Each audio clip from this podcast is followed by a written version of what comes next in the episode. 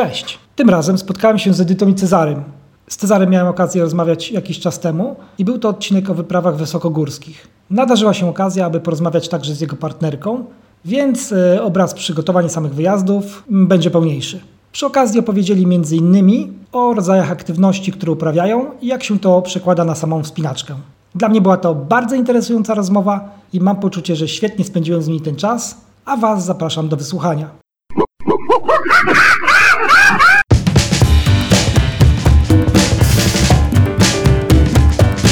To jest podcast Nilo.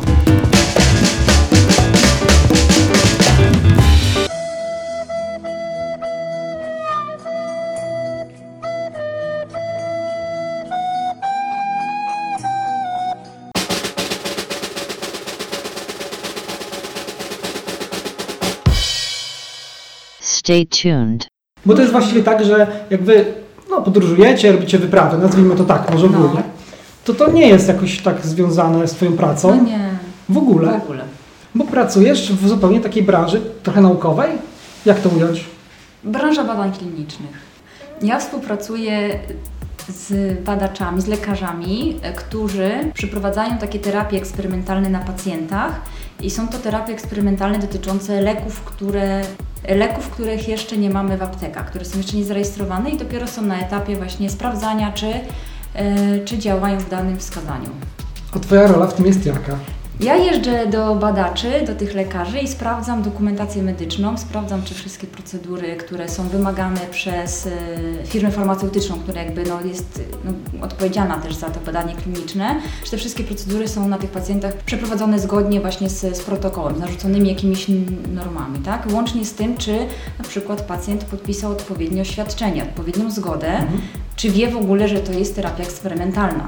Czy ma świadomość na przykład tego, że te leki mogą e, też negatywnie wpłynąć w jakiś sposób na jego zdrowie? Czyli ty rozmawiasz też z pacjentami? Nie, z pacjentami nie. E, tylko, Skąd to wiesz, czy był poinformowany? e, z tego, jak mi lekarz napisze to w dokumentacji medycznej. Okej, czyli no, okej, no, zakładamy, że nie fałszuje dokumentacji, tak? dokładnie, Okej. dokładnie. A tam nie ma też podpisów y, pacjentów, że oni Jest, się tak, jest zgodzi- wyrazili musi zgodę być pod, i... podpis pacjenta i bardzo często jest też tak, że ja dostaję historię medyczną pacjentów, gdzie na przykład przy przyjęciu pacjenta do szpitala, no też mam podpis pacjenta, więc ja sobie te podpisy mogę na przykład porównać. A, Okej. A, a sprawdzasz też, bo mówimy teraz już o tym takim e, etapie, gdzie są badania na ludziach, ale Mhm. też e, na, tym wcześniej, na tych wcześniejszych stadiach, kiedy są doświad znaczy doświadczenia, badania na zwierzętach, to też e, kontrolujesz, czy nie? Czy Nie, to zajmujesz się nie. tylko... To ja tylko już tą, tą fazę, fazę badań na ludziach. A to ciekawy pomysł. A kiedy wpadłaś, e, żeby mieć taki zawód? No to już tak dawno, kilka lat temu. Bardzo chciałam się dostać do tych branży badań klinicznych. Tam mm, jedna z moich koleżanek pracowała właśnie w tym charakterze, co ja teraz pracuję. I jak opowiadała, to się wydawała taka praca dosyć ciekawa. Nie monotonna, Jest dynamiczna i jest ciekawa. To muszę przyznać, że jest ciekawa. Jest bardzo wymagająca. Natomiast jest, no nie mogę narzekać na nudę, ciągle coś się dzieje i no to jest praca projektowa też, więc jakby jak ktoś lubi takie, taki charakter pracy, to na pewno to jest, to jest dla niego. No i to było kilka lat, właściwie od 2012 tak zaczęłam składać różne, dok- jakby próbować jakby dostać się do tej Mhm. branży, no z różnym skutkiem e, tych rozmów kwalif- kwalifikacyjnych. I dopiero w 2016 roku się udało tak e, właśnie zatrudnić, przejść zupełnie, przebranżowić troszeczkę, można powiedzieć. A, okej. A przebranżowić, bo wcześniej, wcześniej- wcześniej pracowałeś w jakiejś podobnej branży, czy? w branży biotechnologii, natomiast bardziej zajmowałam się w firmie sprzedażą, marketingiem jakichś usług czy produktów biotechnologicznych, ale też jakby współpraca z laboratoriami, e, eksport, więc jakby całą tam... tak jakby To takie- fajnie, bo to w sumie tak wynikło taki jakby rozwój, że ewoluowałaś, no nie, do tego, do tego drugiego, że z marketingu tak naprawdę, gdzie też, jak rozumiem, ktoś się, no kontaktowałaś się z różnymi, nazwijmy to ośrodkami badawczymi, tudzież dostawcami, tak? Tak, chociaż jakby to są e, tak jakby perspektywicznie patrząc to z perspektywy czasu są dwie różne jednak rzeczy, branże. To może teraz już tak wrócimy troszeczkę bardziej do Was, jako, jako do pary podróżującej wspólnie. Jaki był Wasz pierwszy wyjazd razem? Białoruś. Białoruś. A jaki to był pomysł, Chociaż jak to wynikło? Białoruś? Tak, to była Białoruś.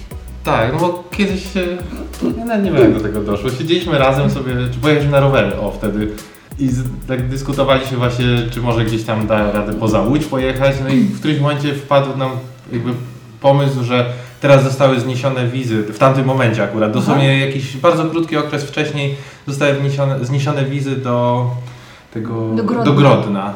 I można było wjechać drogą lądową przez granicę. y, Tam były chyba dwie otwarte wtedy granice, przez które można było przejechać i na tym okręgu Grodna po prostu podróżować sobie bez dokumentów jakichś wizowych. Wzięliśmy rowery, zapakowaliśmy do samochodu i pojechaliśmy i, żeby sobie, i po Grodnie jeździliśmy przez dwa dni rowerami. Coś fajnego? Zobaczyliście takiego super e, ciekawego, żeby warto polecić? Znaczy bardziej my tam też y, z tymi ludźmi rozmawialiśmy. Na przykład Mhm. y, wchodziliśmy sobie na teren cerkwi, tam też przed, przed ichniejszymi, nie wiem, y, mszą czy obrządkami takimi. Nie pamiętam, czy to jakieś święty, a to nie była Wielkanoc? No, to była Wielkanoc. czas Wielkanocy chyba. Więc sobie z tymi ludźmi troszeczkę też rozmawialiśmy, jak w ogóle im się tam żyje i tak dalej. To było takie bardzo ciekawe.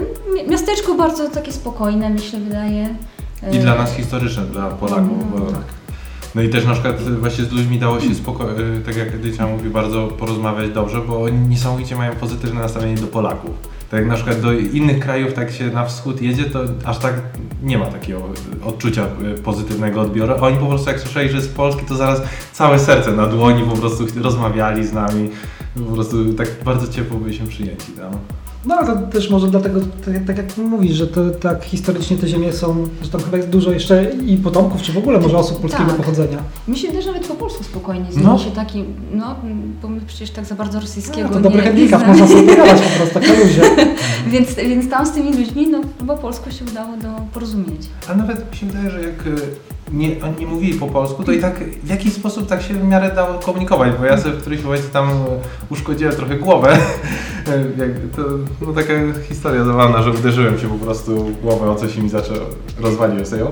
No Tak, i poszliśmy na miasto, bo to był środek nocy i szukaliśmy Apteki. apteki no i po prostu nawet policja nam tam bardzo pomogła. To, I oni by- byli bardzo wyrozumieli, Mm. po- się komunikowali z nami elegancko. I nie po polsku, ale nawet tak się dało zrozumieć. Ale nawzajem. spoko, mieli w nocy jakąś aptekę dyżurną. Była otwarta. Dała Była. Tak, tak. No bo tam opatrunki dostaliśmy i po prostu no, się zagoiło dosyć szybko. Obeszło się bez szwów, jak rozumiem. Bez, bez. Yes. Chociaż miałem taką mikrołysinkę przez pewien czas. Okej. No bo sobie skórę tam zdarłem na głowie trochę. Ej, to fajnie, to To pierwszy, pierwszy, wyjazd, pierwszy wyjazd już od razu z przygodami z Cezarym. E, A mam takie pytanko, czy jak je, jeździsz Cezarym, który jest taki dość portowany, delikatnie mówiąc, to ciężko jest dotrzymać mu kroku? To też jest tak, że no ja nie jestem osobą, która jest oderwana od biurka. W sensie jak wyjeżdżamy, to ja po prostu jakby nic nie robię wcześniej, tak? Jakby cały czas też aktywnie. Zresztą ja od dziecka jestem też osobą aktywnie sportową. Też trenowałam w klubie lekkoatletycznym w, w czasach liceum. Więc to też nie jest tak, że ja tak zupełnie się porywam z motyką na słońce i tam muszę za nim nie wiadomo jak e, ganiać. No fakt faktem jest tak, że Cezary ma długie nogi, szybko chodzi. No to tak, to czasem muszę tutaj się wysilić i dogonić go. E, No na pewno jak organizujemy czy jakieś trasy rowerowe, wycieczki rowerowe, no to tutaj z racji tego, że Czarek też codziennie jakby roweru używa jako takiego środka transportu, więc też gdzieś tam szybciej jeździ niż, niż ja, więc ja gdzieś tam spowalniam, no ale e, albo skracamy jakąś trasę ze względu na mnie, że gdzieś tam ja nie, nie jestem w stanie przejechać, nie wiem, na przykład 100 km dziennie, tak, tylko dużo Aha. mniej. Więc e, Okej, no 100 musimy też się- tak jednak trochę wyczynowo, nie? No Cezary jakby daje radę, natomiast no ja A co trenowałaś? Bo powiedziałaś, że trenowałaś y, w szkole średniej. Yy, wiesz co, byłam sprinterką i Aha. brałam udział właśnie w różnych takich meetingach, jakichś zawodach sportowych, też trochę pływania, ale bardziej to takie już e, sztafetowe Mhm. mm, w szkole. Jak były jakieś zawody, jakieś olimpiady międzyszkolne, to, to, to też wtedy e, w sztafecie pływackiej też brałam. A ty jakie dystanse? Ale o biegi teraz. Biegi z y, 100 metrów, 200 metrów, no i na halowych 60. Dobre czasy miałaś? Nie wiem, czy dobre, no bo No jakby ale zajmowałaś nas- jakieś miejsca, czy coś nie wiem? Różnie, różnie. No na pewno na tym jakby takim powiecie, no to i byłam, y, miałam dwukrotny tytuł sportowca roku, wtedy w liceum, tak. Dwa razy pod, pod rząd z pucharem, no ale to było jakby takie powiatowe, tak, więc to Mm. też nie jest jakieś nie wiadomo jak, jaka tutaj, jakie terytorium. E, No i też jakby w tych takich powiatowych e, bardziej zawodach, no to też no, dawało się stawać na pierwszym, drugim bądź trzecim miejscu.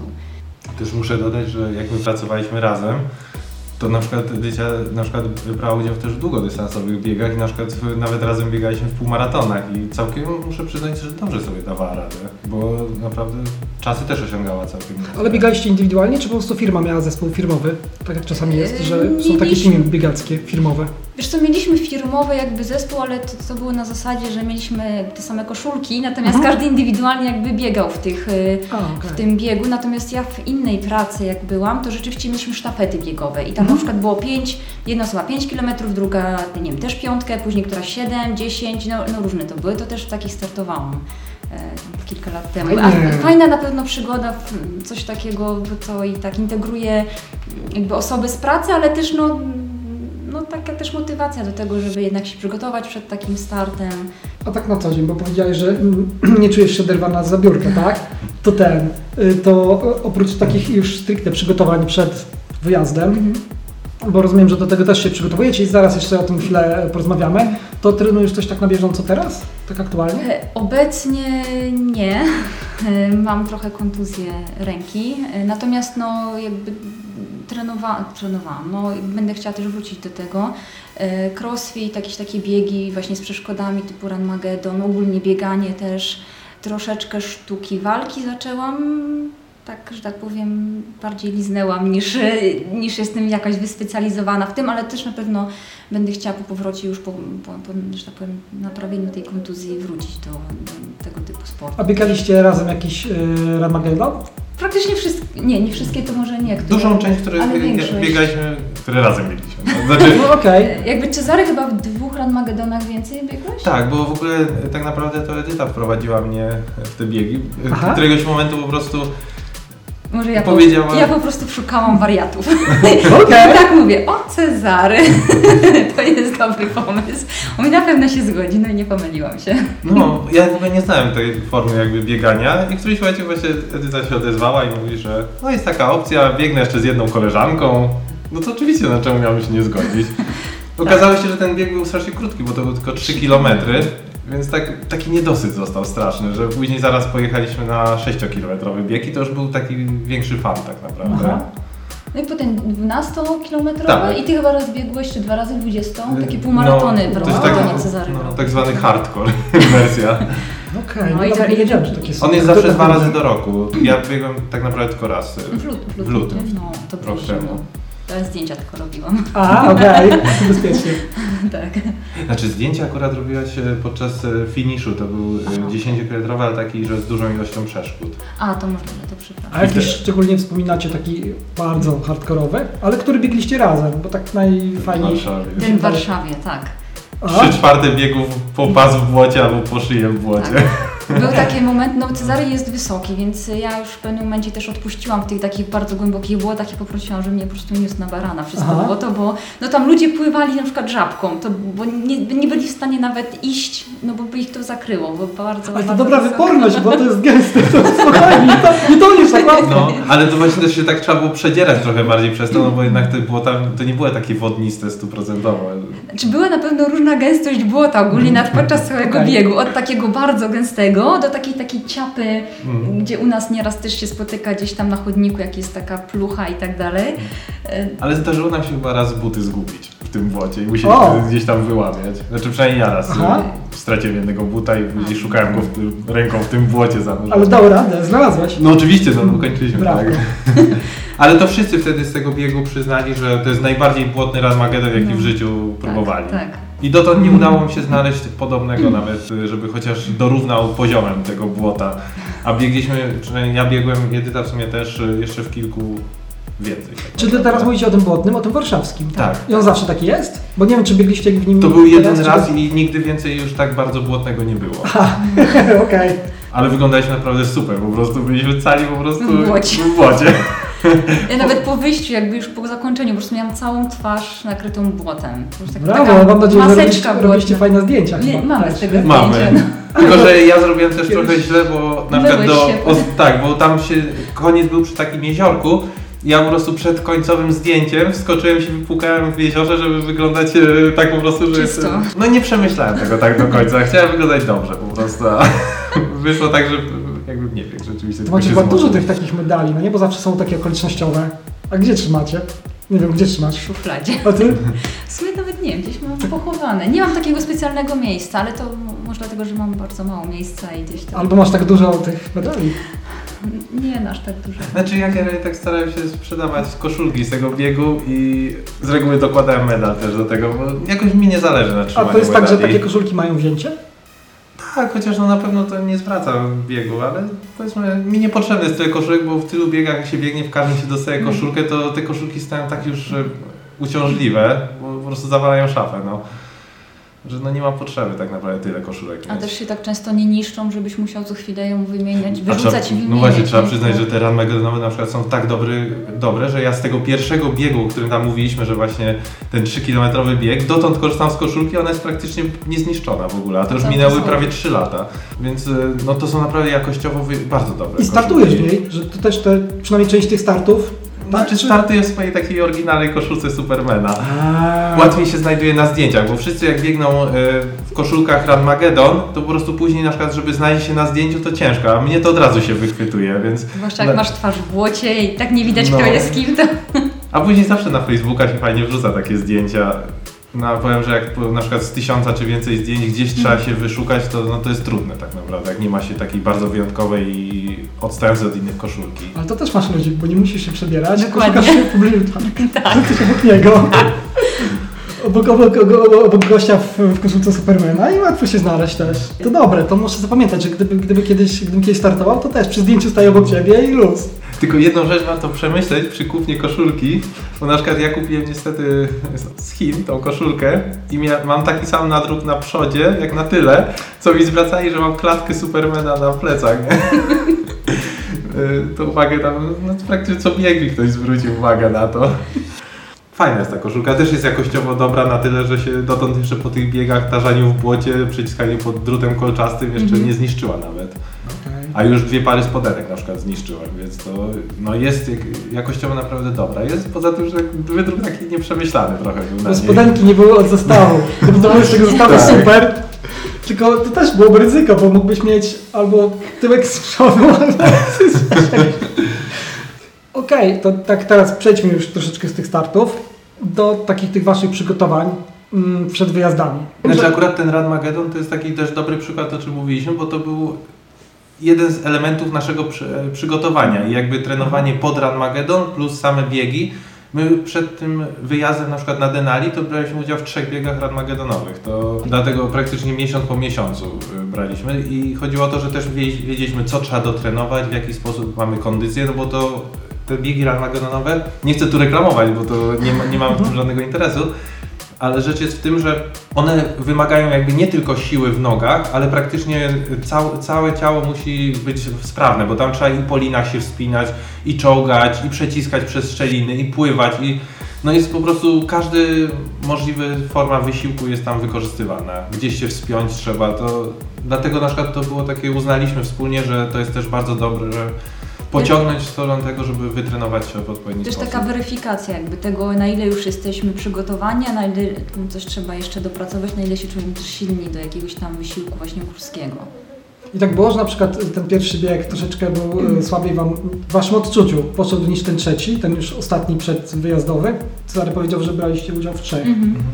Ciężko też powiedzieć, bo my jednak też mieliśmy taki od momentu decyzji, podjęcia decyzji i zarejestrowania się na wejście na tą górę, weszliśmy w taki bardzo ostry reżim treningów, praktycznie, które były codziennie, więc też ciężko powiedzieć, bo my byliśmy nieraz w takiej formie że były dni, kiedy po prostu już nie, nie mieliśmy sił i nieraz mogło to wypaść na Ranmagedon właśnie, że już Aha. też byliśmy wycieńczeni. Poza tym ten, te trasy te biegowe też się różniły długo. Niby tak, było przewidziane przez organizatora, że jest nie po 12 km, ale na przykład na trasie pod koniec się dowiedzieliśmy, nie, przecież to z 15 dzisiaj biegniecie. Ale tam wcześniej, na wcześniejszym biegu to chyba nawet jeszcze więcej było. I tak w ogóle mówię, że co? I tak my się dziwimy, dlaczego my tak długo biegniemy, biegniemy i dobiec nie możemy, nie? Patrzymy na zegarek, tam pytamy kogoś, która godzina i się dziwimy, że już powinno być meta, a my tu jeszcze w jakimś szczerym polu i że coś jest może z nami nie tak, a się okazuje, że po prostu na przykład dystans był wydłużony, nie? I to też jakby, no, no powodowało to, że też ciężko jest określić na ile...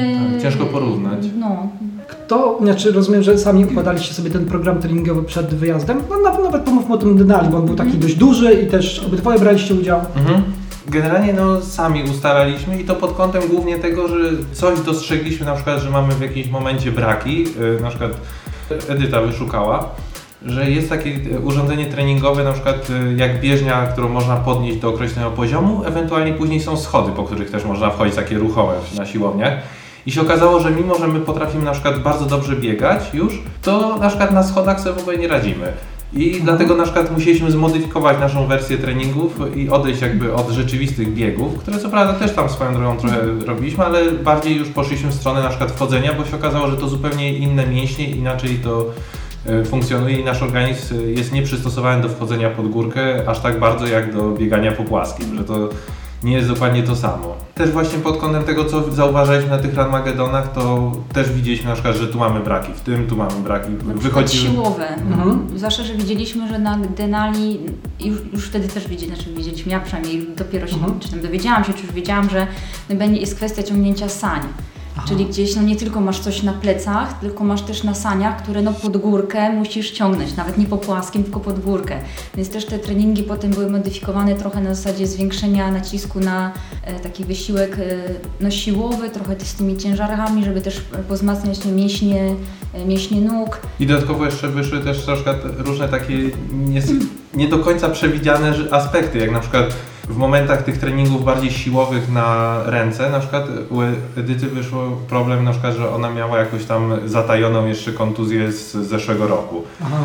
Mi na przykład w którymś momencie wyszło, że na przykład mimo, że ja na przykład dosyć dobrze się roztrenowałem pod kątem tych biegów i jakby z przeszkodami, zawaliłem troszeczkę możliwo- możliwości takiego stretchingu, że tego na przykład nie naciskałem za bardzo i przez to na przykład doszło do kontuzji kar- karku, przez co nie mogłem przez kilka dni skręcać głową y, po takim jednym y, treningu ranmagedonowym. No i na przykład no, musiałem też jakby odejść trochę od treningów tych bardziej crossfitowych na stretching i na to więcej trochę czasu poświęcić, żeby te rzeczy dopracować, żeby one później nie, nie spowodowały jakichś uciąż, Jakichś kontuzji tak, kontuzji już na górze będąc. Czyli sobie to tak w trakcie po prostu modyfikowaliście, w Mhm. zależności od tego, co, Tak. co wynikało, albo co widzieliście, Tak, jakie tak. zapotrzebowanie było. No i w z reguły tak dosyć często mieliśmy też dyskusje w tym temacie, na przykład y, czego nam jeszcze brakuje, co trzeba zrobić i tak y, staraliśmy się jakby na bieżąco wszystko aktualizować. A czymś symulowaliście właśnie te sanie ciągnięte? Bo zaciekawiło mnie, jakie ćwiczenia na to. Na siłowniach są takie specjalne sanie, które można ciągnąć. A, okej. E, Jest taka, taki dywan po prostu i odróżniając się kolorem, po którym e, nakłada się na takie z metalową konstrukcję odpowiednią ilość ciężarów, czy na przykład się wsadza e, te- na te sanie i się ciągnie, albo mnie tam. No nie, ja to Cię pewnie nie uciągnęła, ale tam ciężarami wtedy Tak. troszeczkę. Więc Chyba- wszystko no. da się po prostu. Chyba bardziej się na, nacisk kładliśmy na przykład nawet w bloku, chodzenie po schodach z Mhm. plecakiem obciążeniowym, jakieś tam nie wiem, 10-15 kg, żeby tak y, z, tam, no ile Ci dało pięter wejść góra-dół, no to tak y, do zmęczenia organizmu. I to już też w butach, które mieliśmy Tak, bezpośrednio tak. na górę przeznaczone, żeby też, e, szczególnie, że Ja dopiero miała- kupiłam nowe buty wtedy. To A, też chciałam okej. przećwiczyć, przetrenować, żeby ta noga się trochę zaczęła dopasowywać, bo nawet nie było szansy, żeby kupić jakieś inne, bo to były tak praktycznie jedne z dwóch par właściwie, które są polecane w tak wysokie góry i, i w tak też zimne góry. To chyba nawet te, które ja kupiłam, to chyba takie ten no to były praktycznie, prawdopodobnie najlepsze. najlepsze, jakie w ogóle są na rynku. Więc no, noga musiała się dopasować do tych, tych butów, e, także musiałam wcześniej trochę pochodzić w nich, nie? Tak, więc no wchodzić na przykład 10 razy na dziesiąte piętro i z powrotem. No i stąd też się wzięło to takie zdjęcie tego pana śpiącego nam na schodach. Okej. Mieliśmy Który- przeszkody w Tak. No okazało się, że w bloku różne rzeczy można spotkać. Nawet w bloku. No dobra, to wypada właśnie naturalnie. Tak, No tak, tak. Oto, oto wchodzisz na górę i nie wiadomo, co się wydarzy. Może jakaś lawina zajdzie albo coś, a to może człowiek.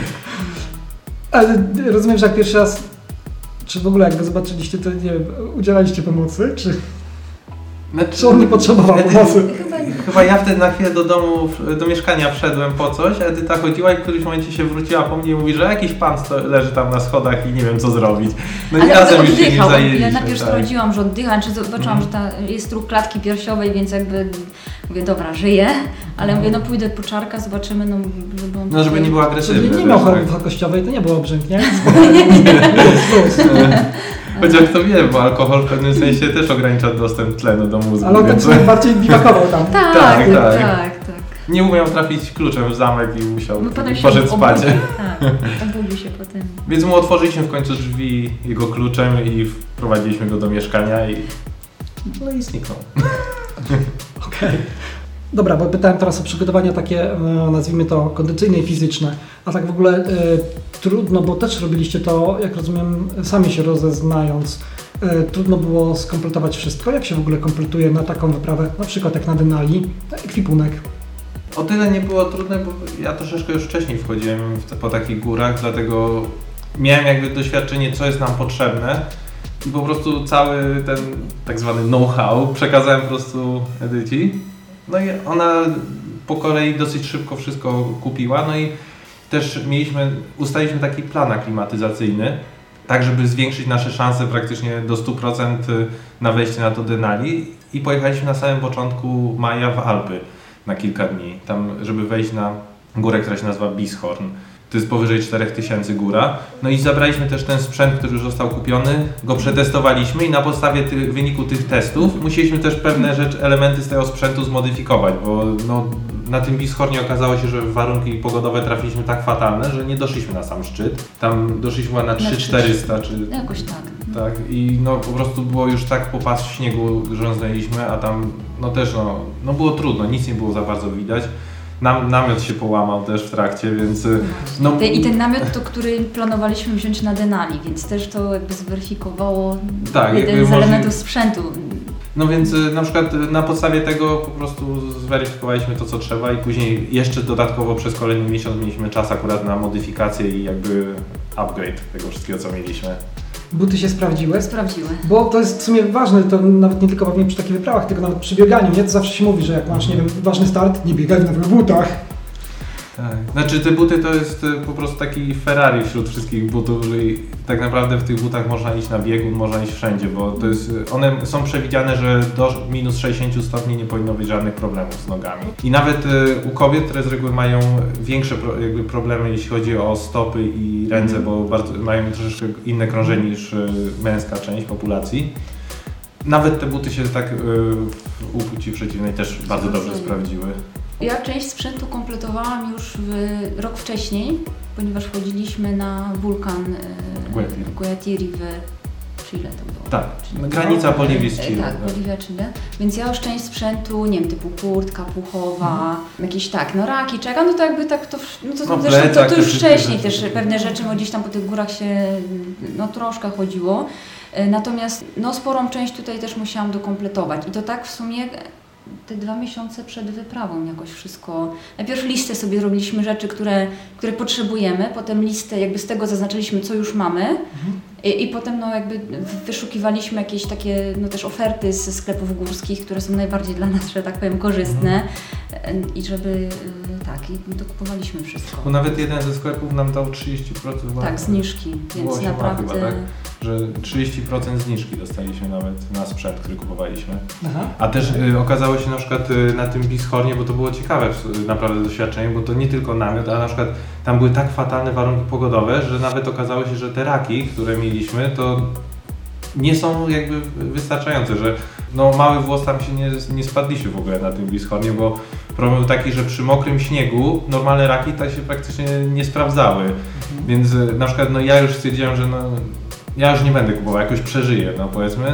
Edycja jeszcze zdecydowała się na kupno raków, które już były tak... y, które się nie ślizgają, bo chodziło o to, że ten śnieg jakby pod moich raków, które tam miałam wtedy na Bischornie, ona, on się po prostu nie odklejał, przez co się tworzyła taka jakby Poduszka śnieżna. poduszka śnieżna i ja zamiast mi to amortyzować i żebym stała pewnie jakby schodząc y, już, już z tej góry, to ja po prostu leciałam, po prostu się ślizgałam, więc to takie było no, momentami niebezpieczne, dlatego no, akurat no, musiałam zdecydować, czy kupować nowe raki, czy ryzykować i stwierdziłam, że no, idę na górę, gdzie no, jest dużo trudniejsza niż, niż Alpy, niż Bieshorn, więc no, wydaje mi się, tak się też pewnie, może też trochę psychicznie się czułam pewniej w tych, że tak powiem, nowych, nowszych, no, nowych rakach, nie? Takich lepszych. Więc taki jest wy, wyjazd taki dosyć istotny. No, nawet już pomijając kwestie aklimatyzacyjne, bo też no właśnie to jest dosyć istotny aspekt, że na przykład dzięki temu też mieliśmy dużo lepszą y, jakość naszego podejścia i mniej problemów dzięki temu określonego systemowi aklimatyzacji, jaki zas- zastosowaliśmy.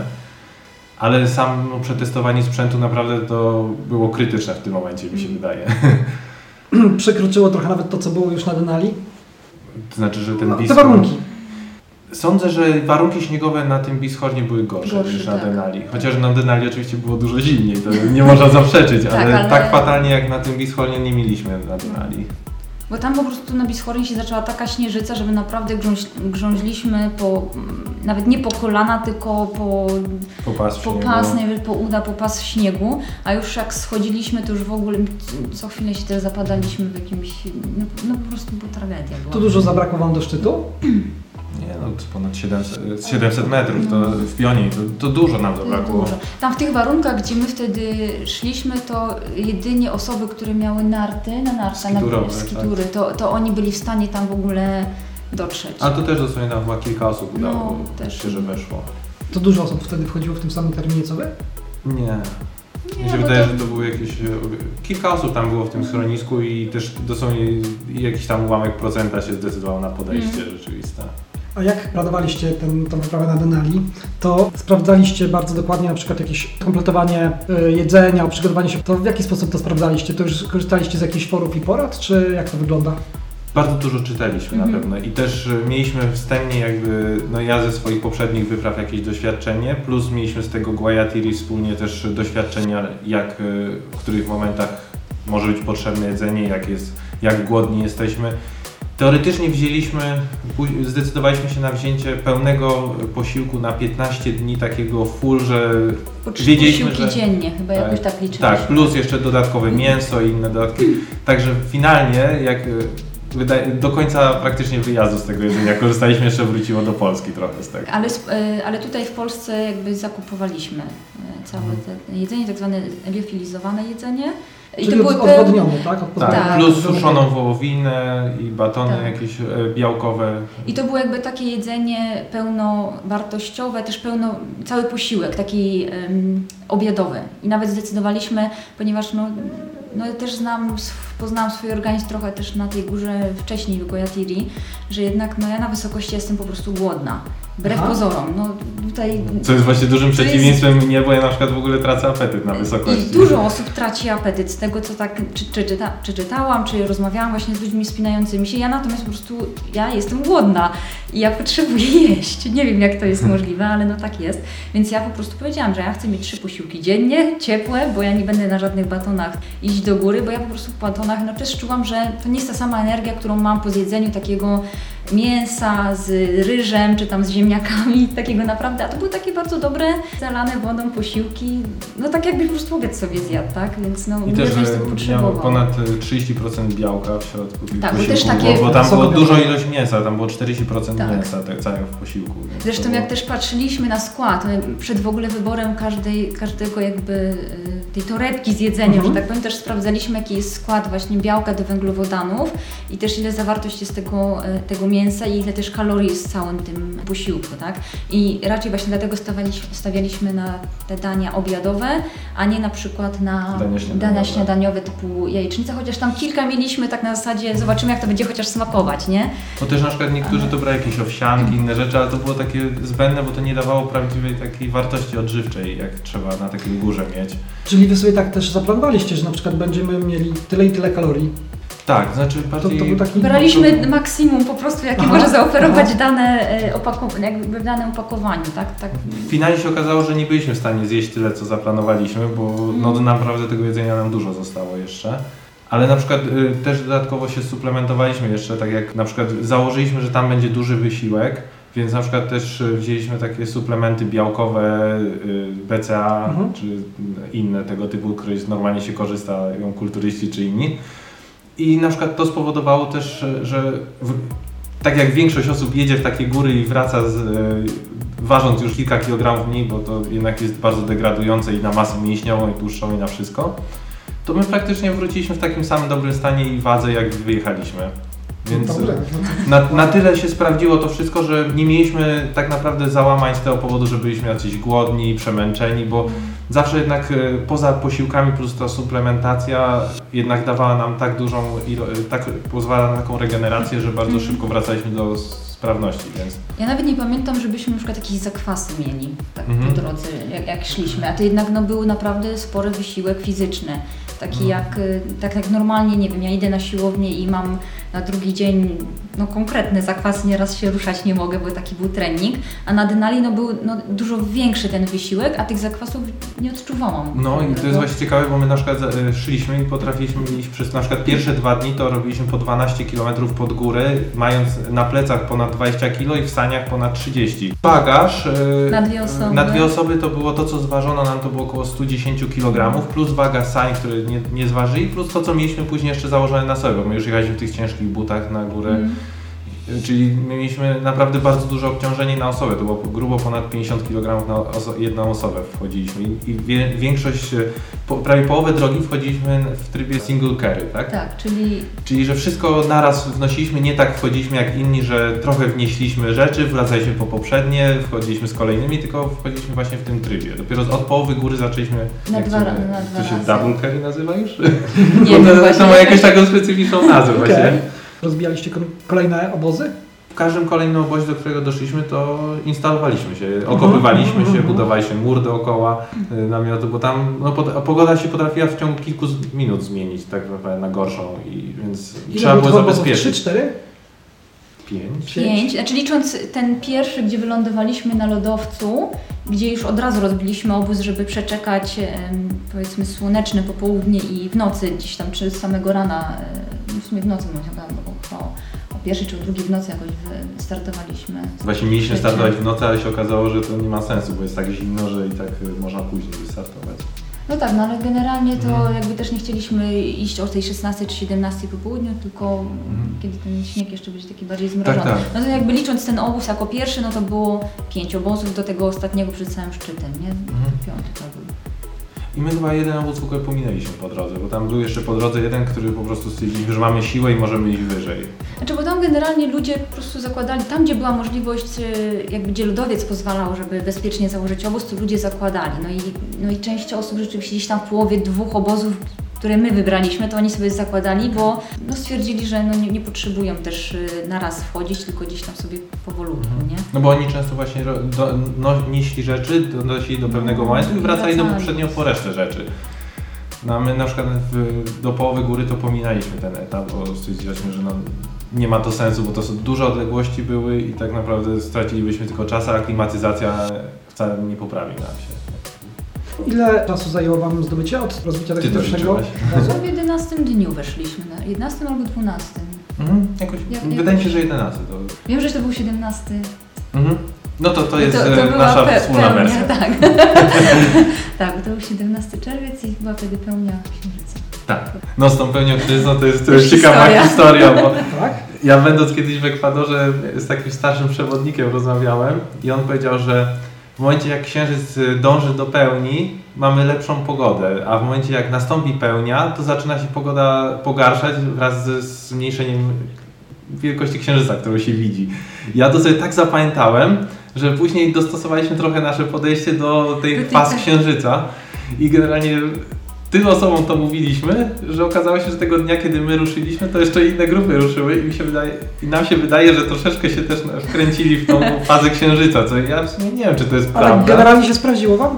E, znaczy, nie, Nie- było może nie idealna pogoda, ale ale, była taka, że no, daliśmy radę wejść. O, może tak. I, I w sumie te wszystkie, nie, chyba jedna ekipa, tylko ta, co po- nas jeszcze oni Tak. weszli, on, to, to jedna, jedna drużyna nie weszła, a wszyscy, co przed nami też, jakby z nami wychodzili, czy przed Mhm. nami startowali, to tego samego dnia Tego dnia wyszli. tak, poza tą jedną To, grupą. tak, to, to, to doszli. Natomiast po, jakby w kolejnych dniach, no okazało się, że w sumie ta pogoda też nie, nie Znaczy była następnego zła. dnia nikt nie wszedł na przykład, bo No dobra, tam był ale- problem, że nam tyle napadało śniegu, że my ledwie To, zeszliśmy to fakt, z tego. tak, no. tak, tak. To po, przy powrocie mieliśmy jakby taki problem, że, że ten śnieg był też taki, taki Sypki, puszysty, taki puszysty, miałki, no. że no to też było tak niebezpiecznie schodzić. No i ale, dlatego następnego dnia nikt nie wszedł i mi się wydaje dopiero po dwóch dniach no, kolejne grupy ale, wchodziły. Ale popełni. Tak. I była taka pogoda, że, że dawali radę spokojnie.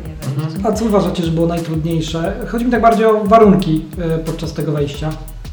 No to ty Było się coś wypowiedz. takiego, czy- Tak, bo A ty, ty, ty Że, nic, no nie, bo to było proste dla niego. Okej. Znaczy dla mnie to była super przygoda ja tak nie powiem, tak nic, nie wypowiem nic nie było jakieś zaskakująco Nie. trudne? Znaczy to ogólnie to cała wyprawa była wymagająca i trudna. Znaczy tak, no wiadomo, że Cezary jest osobą doświadczoną w chodzeniu po górach, po górach wysokich.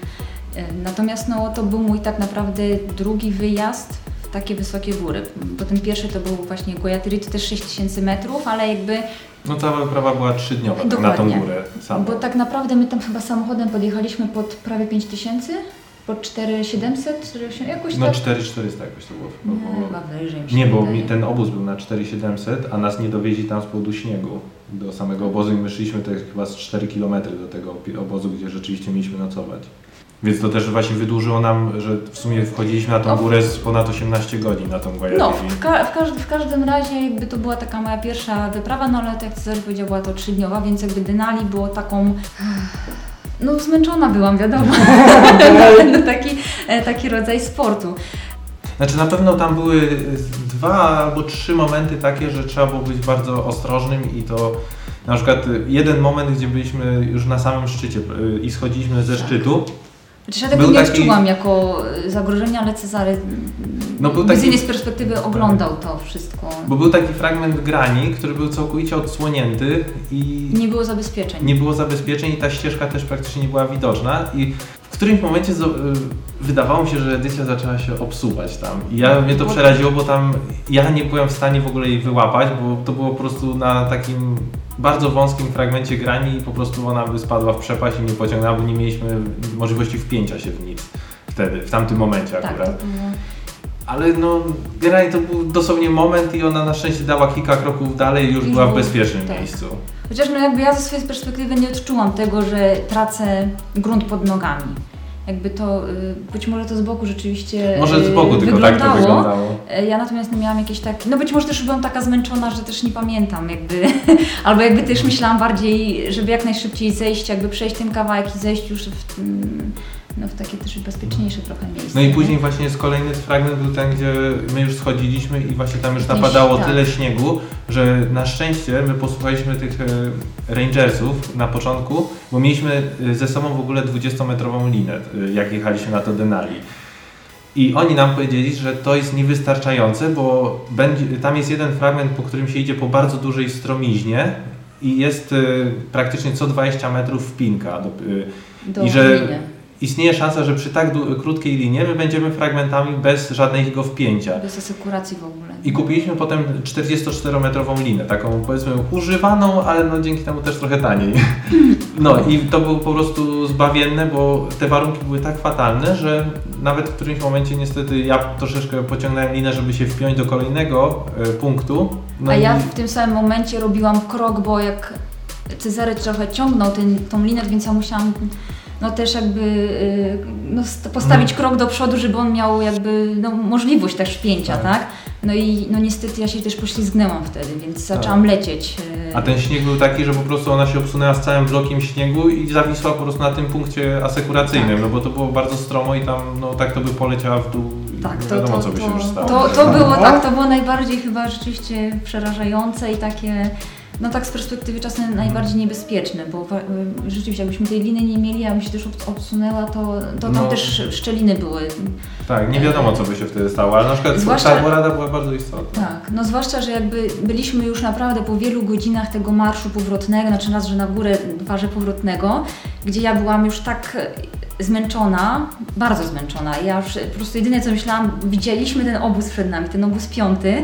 Ja po prostu tylko tak szłam i żeby tylko dojść do tego obozu. Po prostu tak po prostu szła głowa, a nie szło ciało.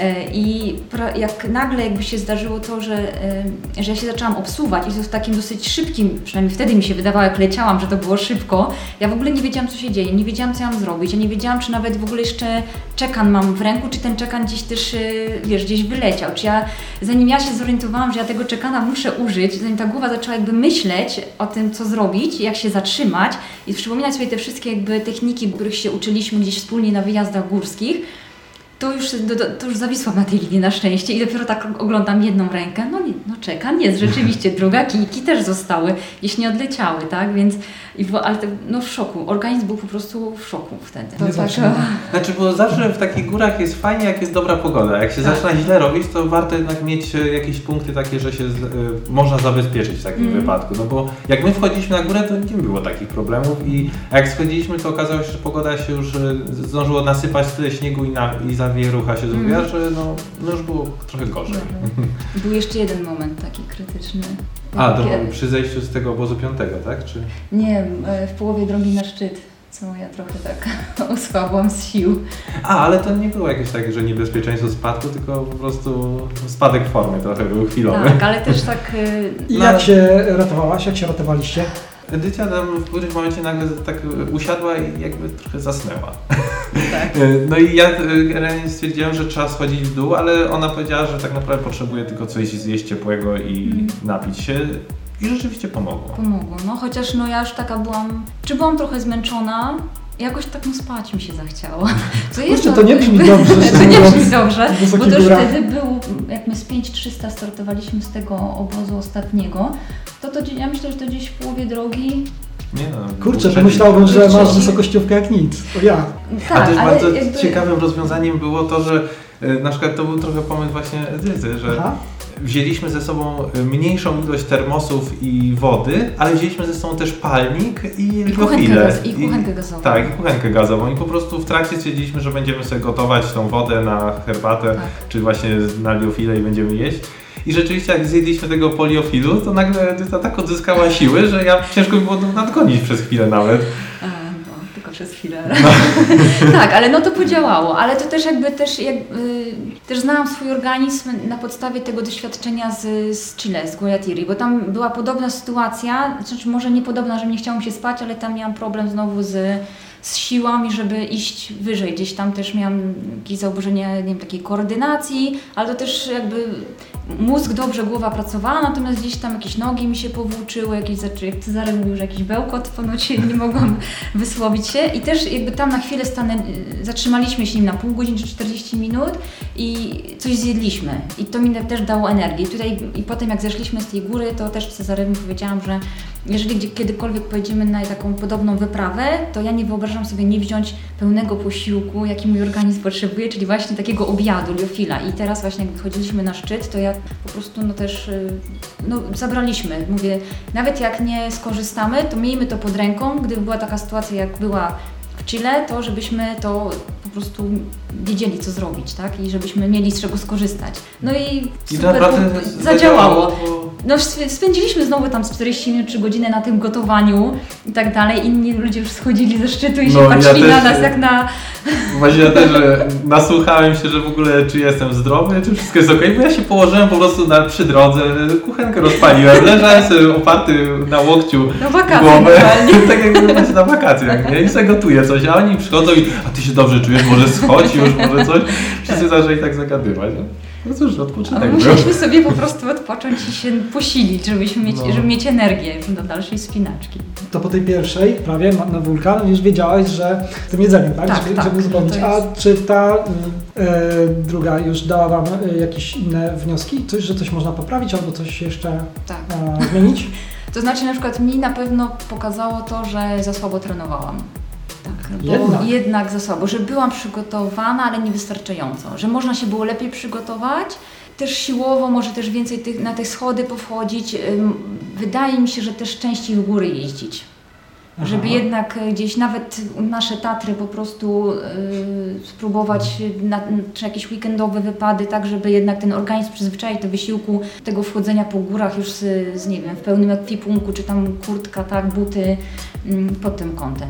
Bo, wydaje mi się, że to tego mi, znaczy no wyszliśmy na górę, tak, natomiast jakby koszty, jaki ponieśliśmy wysiłek, e, no myślę, że w tym zakresie można to było spokojnie zmi- zminimalizować i e, właśnie lepszymi czy lepszymi, no, czy wcześniej zacząć trenować, przygotować się pod kątem wyprawy, czy może te jakby bardziej wymagające treningi sobie jeszcze bardziej narzucić. No To są takie moje przemyślenia. Cezary nie, spokojnie. Znaczy nie, nie, ja nie chcę przerywać, bo ja się całkowicie zgadzam, że tak naprawdę my też w ogóle schodząc, e, to była też dosyć zabawna sytuacja, bo schodziliśmy i tak my akurat sobie dyskutowaliśmy na tematy właśnie, czy zjeżdżać e, na sankach, czy Aha. iść po prostu, bo też tak się trochę nudziło nam Jak schodzenie. Trzeba było narty. Tak, bo my za sobą cią- schodząc ciągnęliśmy sanie, które jeszcze co chwilę nam jakby Zjeżdżały, zjeżdżały na nas i nas wyprzedzały, co było strasznie męczące.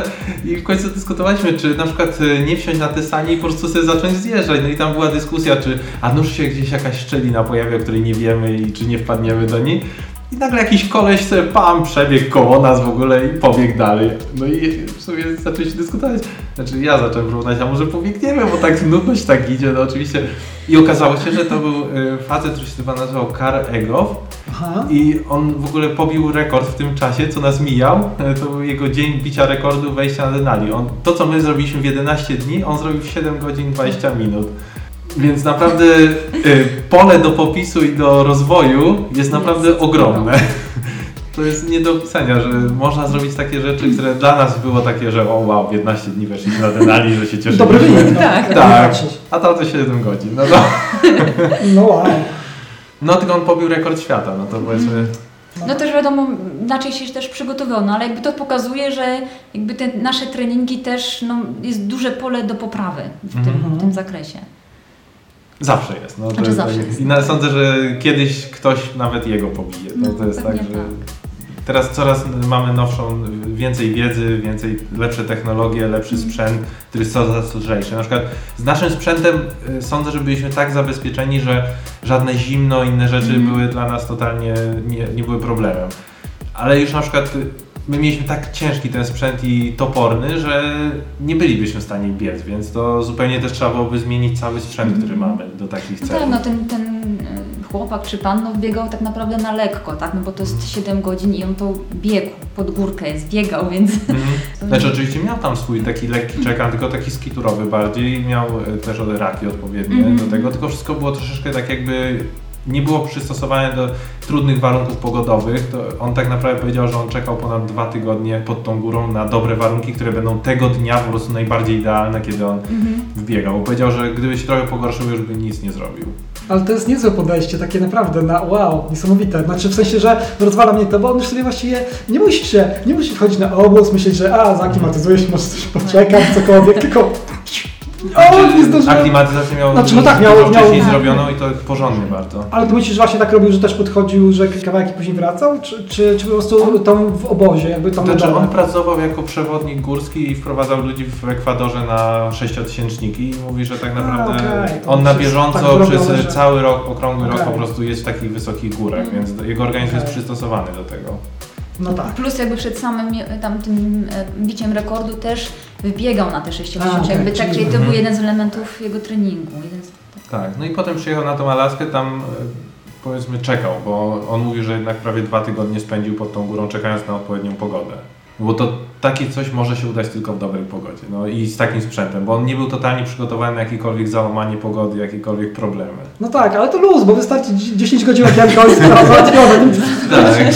Tak. Wiesz, nie, nie, musi, nie musisz myśleć, że o, żeby tak kilka dni było pogody, czy No. coś sprawdzać. Nie, luz, okej, dzisiaj. Dajmy. Ale co też pokazuje, że na tą górę to nie jest tak, że trzeba robić gigantyczną wyprawę, bo jeżeli jeden facet sobie może wbiec tak po prostu, to Mm. znaczy, że teoretycznie na tą górę można sobie nawet samemu wejść. No, tylko trzeba mieć wiedzę i powiedzmy też umiejętności. No, No tak, bo tak jak mówicie, no to nie był kto, to nie był ktoś Tak. taki z przypadku. No on y, tak naprawdę to jest dosyć ciekawa postać, bo on ma plan po prostu pobić wszystkie rekordy na wszystkie siedem jakby najwyższych gór świata, czyli całą Mhm, koronę okej. Ziemi. I to była jego czwarta góra, na którą pobił, więc y, tak naprawdę no, jeszcze brakuje mu tak naprawdę mniej niż połowę Wow, no dobra. do skończenia całego projektu. niech, niech mu się uda, bo to ciekawy pomysł. A tak organizacyjnie coś y, widzicie pole do poprawy? Bo teraz już mówiliśmy tak, o już takich rzeczach typowo bezpośrednio dotyczących naszej kondycji i tak dalej, a tak organizacyjnie? No, Dobra. Głupio powiedzieć, bo wszystko idealnie, ale w sumie Ale to bez trudu, ale okej, jedna rzecz, tylko tak naprawdę jedna, jedyna rzecz, której nie mieliśmy dopracowanej i się okazało, że nam zabrakło. I to jest straszna głupota, bo nie, zabraliśmy za mało papieru toaletowego. Okej, prozaiczne, ale ważne. Ale tak, Pozajsze- tak, I tak, musieliśmy no. tam trochę łazić i pożyczać.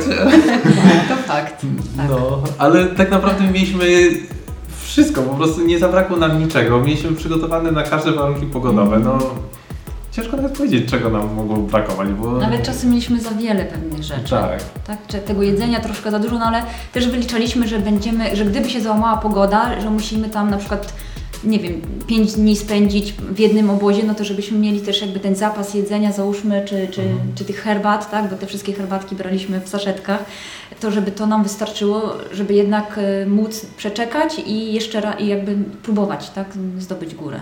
No, ale nie było takiej sytuacji.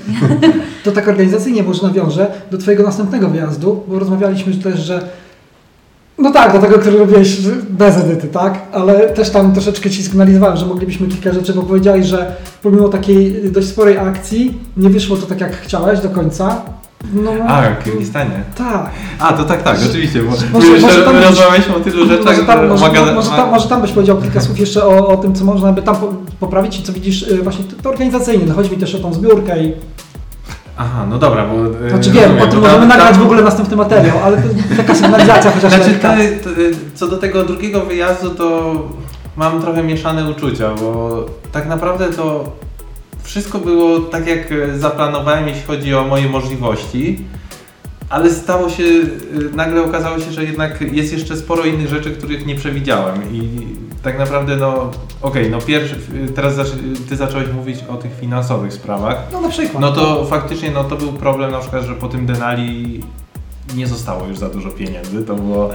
Denali jest niesamowicie kosztowną górą. To szczególnie jak właśnie tak nie chodzi się tak za dużo po tych górach i no, muszę przyznać, że na przykład po stronie Edyty te koszty były dużo większe tak jednorazowo, no bo ja też już miałem więcej tego sprzętu tak naprawdę wcześniej. Pod tym kątem no, takie góry są bardzo wymagające i wyjazd do Kirgistanu, co jest centralną Azją, no też nie był tani, dlatego tak zdecydowałem się na zbiórkę, prawda? Tylko, że okazało się, że źle do tego podszedłem. To wszystko było zaplanowane trochę tak, ad, nie zaplanowane, zrobione ad hoc na ostatnią chwilę. I nie wziąłem, tak naprawdę no nie miałem pojęcia, że istnieje coś takiego jak planowanie budżetu, który wiele firm robi, że wysłałem do różnych firm tak naprawdę zapytanie, czy nie chcieliby wesprzeć tego projektu w zamian za jakąś tam współ, współpracę czy coś takiego. No i tylko, że to było tak naprawdę na kilka tygodni, na trzy tygodnie przed wyjazdem do Kirgistanu. I nie dostałem absolutnie żadnej odpowiedzi. Po prostu takie rzeczy się okazało, że to trzeba planować minimum rok wcześniej i to rok kalendarzowy. Po- Ale to nawet we nie, wcześniejszym nawet nie roku przysłali Ci kalendarzowym. odmowy? W jednej firmie mi przysłali, że rozważymy to już później nic nie odpisali. A, rozważyli. Zdecydowali Tak. się nie odzywać. Okej. Ale t- później tylko, no tak trochę jak się doszukiwałem informacji już e, po fakcie, prawda, o tym, no to rzeczywiście oni powiedzieli, że jest reguła tysiąca drzwi. Że trzeba zapukać do tysiąca drzwi i w tysiąc pierwszym w ogóle coś odpowiedzą. No tak, i, i reguła strzelania się jeszcze w czy, budżety firm, wtedy kiedy są Tak, no, i w, w ogóle Całą ideę, bo ja też wyszedłem z założenia, że pomysł na zdobycie śnieżnej pantery jest na tyle ciekawy, że raczej nie będę mieć z tym problemu. A się okazało, że jeszcze trzeba dopracować samą filozofię wyjazdu, połączyć to też z filozofią firmy, dowiedzieć się na przykład na początku, co taka osoba, która wesprze Cię, czy organizacja, tak naprawdę jakie są jej cele, tak żeby później jakby razem ustalić wspólną ścieżkę. Ja też nie miałem jakoś tak specjalnie przygotowanego ani dobrze budżetu, ani dobrze jakby planu komunikacji, który miałbym na tym wyjeździe. Więc to wszystko było tak zrobione, że jakoś to będzie, tak na tej zasadzie. No i to się okazało jakby troszeczkę błędnym podejściem, ale naprawdę dużo informacji z tego y, uzyskałem. Z tego, co nie udało się, jednak y, często się właśnie z tych rzeczy, które się nie udają, się człowiek uczy więcej niż y, z takich rzeczy, które mu wyjdą, bo często tak jak na przykład po tym Denali, ja byłem przekonany tak bardzo o tym, że każdą górę już można zdobyć, y, że troszeczkę przesadziłem też jakby z, ze swoimi możliwościami na kolejnej górze, w tym piku Lenina. Co poskutkowało finalnie tym, że wszedłem w pogodę, która nie powinienem wchodzić w ogóle, bo zignorowałem jakby prognozy pogody troszeczkę. No i schodząc jeszcze próbowałem komuś tam pomóc, co nie udało się i finalnie po prostu na tej górze też zostałem za dużo czasu w złej pogodzie i no i powiedzmy cały ten wysiłek, niedostosowanie do jakby swoich możliwości poskutkowało też, że w sumie wróciłem z kontuzją sporą z tego wyjazdu. Czyli co? Wypada Wam życzyć czego? Yy, Dobrych, dobrych, dobrych planów, y, udanego polowania na y, sponsorów, tak? Y, braku kontuzji, nie wiem czego jeszcze. czy, czy, czy, tak, Znaczy, tak naprawdę to takie wyjazdy to są w pewny sposób skomplikowane i tak naprawdę no, każdy wyjazd wymaga dużego zaplanowania, ale sądzę, że to każdy jest w stanie zrobić, że to nie jest tak, że to jest jakby wiedza tajemna. Mamy jakby ten XXI wiek i ja uważam, że każda osoba może zrobić co jej się zamarzy. Czy można pojechać na biegun, można pojechać na Grenlandię, można wejść na Denali. Tylko odpowiednio wcześniej trzeba te rzeczy zacząć planować, że to nie może być tak, że jutro jadę tam. Tylko no jednak rok wcześniej już jakby zacząć się przygotowywać. My zaczęliśmy trochę późno na to Denali, bo zaczęliśmy tak naprawdę intensywnie przygotowywać się na 3 miesiące przed wyjazdem. I to było trochę za późno. Jednak takie rzeczy no, trzeba mniej więcej mieć w głowie, że to jest no, ten rok poświęcić na to. Okej, no, bo oprócz takich y, kwestii przygotowania i też zdobywania finansów, to ty właściwie napisałeś taki poradnik, jak schakować Denali. No zareklamuj Znaczy, trochę. Y, Muszę przyznać, że przez tą kontuzję, której się nabawiłem, e, miałem problem z oczami po tym powrocie z piku Lenina, przez co troszeczkę się w czasie jeszcze odsunie premiera tego poradnika. Ale ja sądzę, że w styczniu można się już czegoś spodziewać będzie.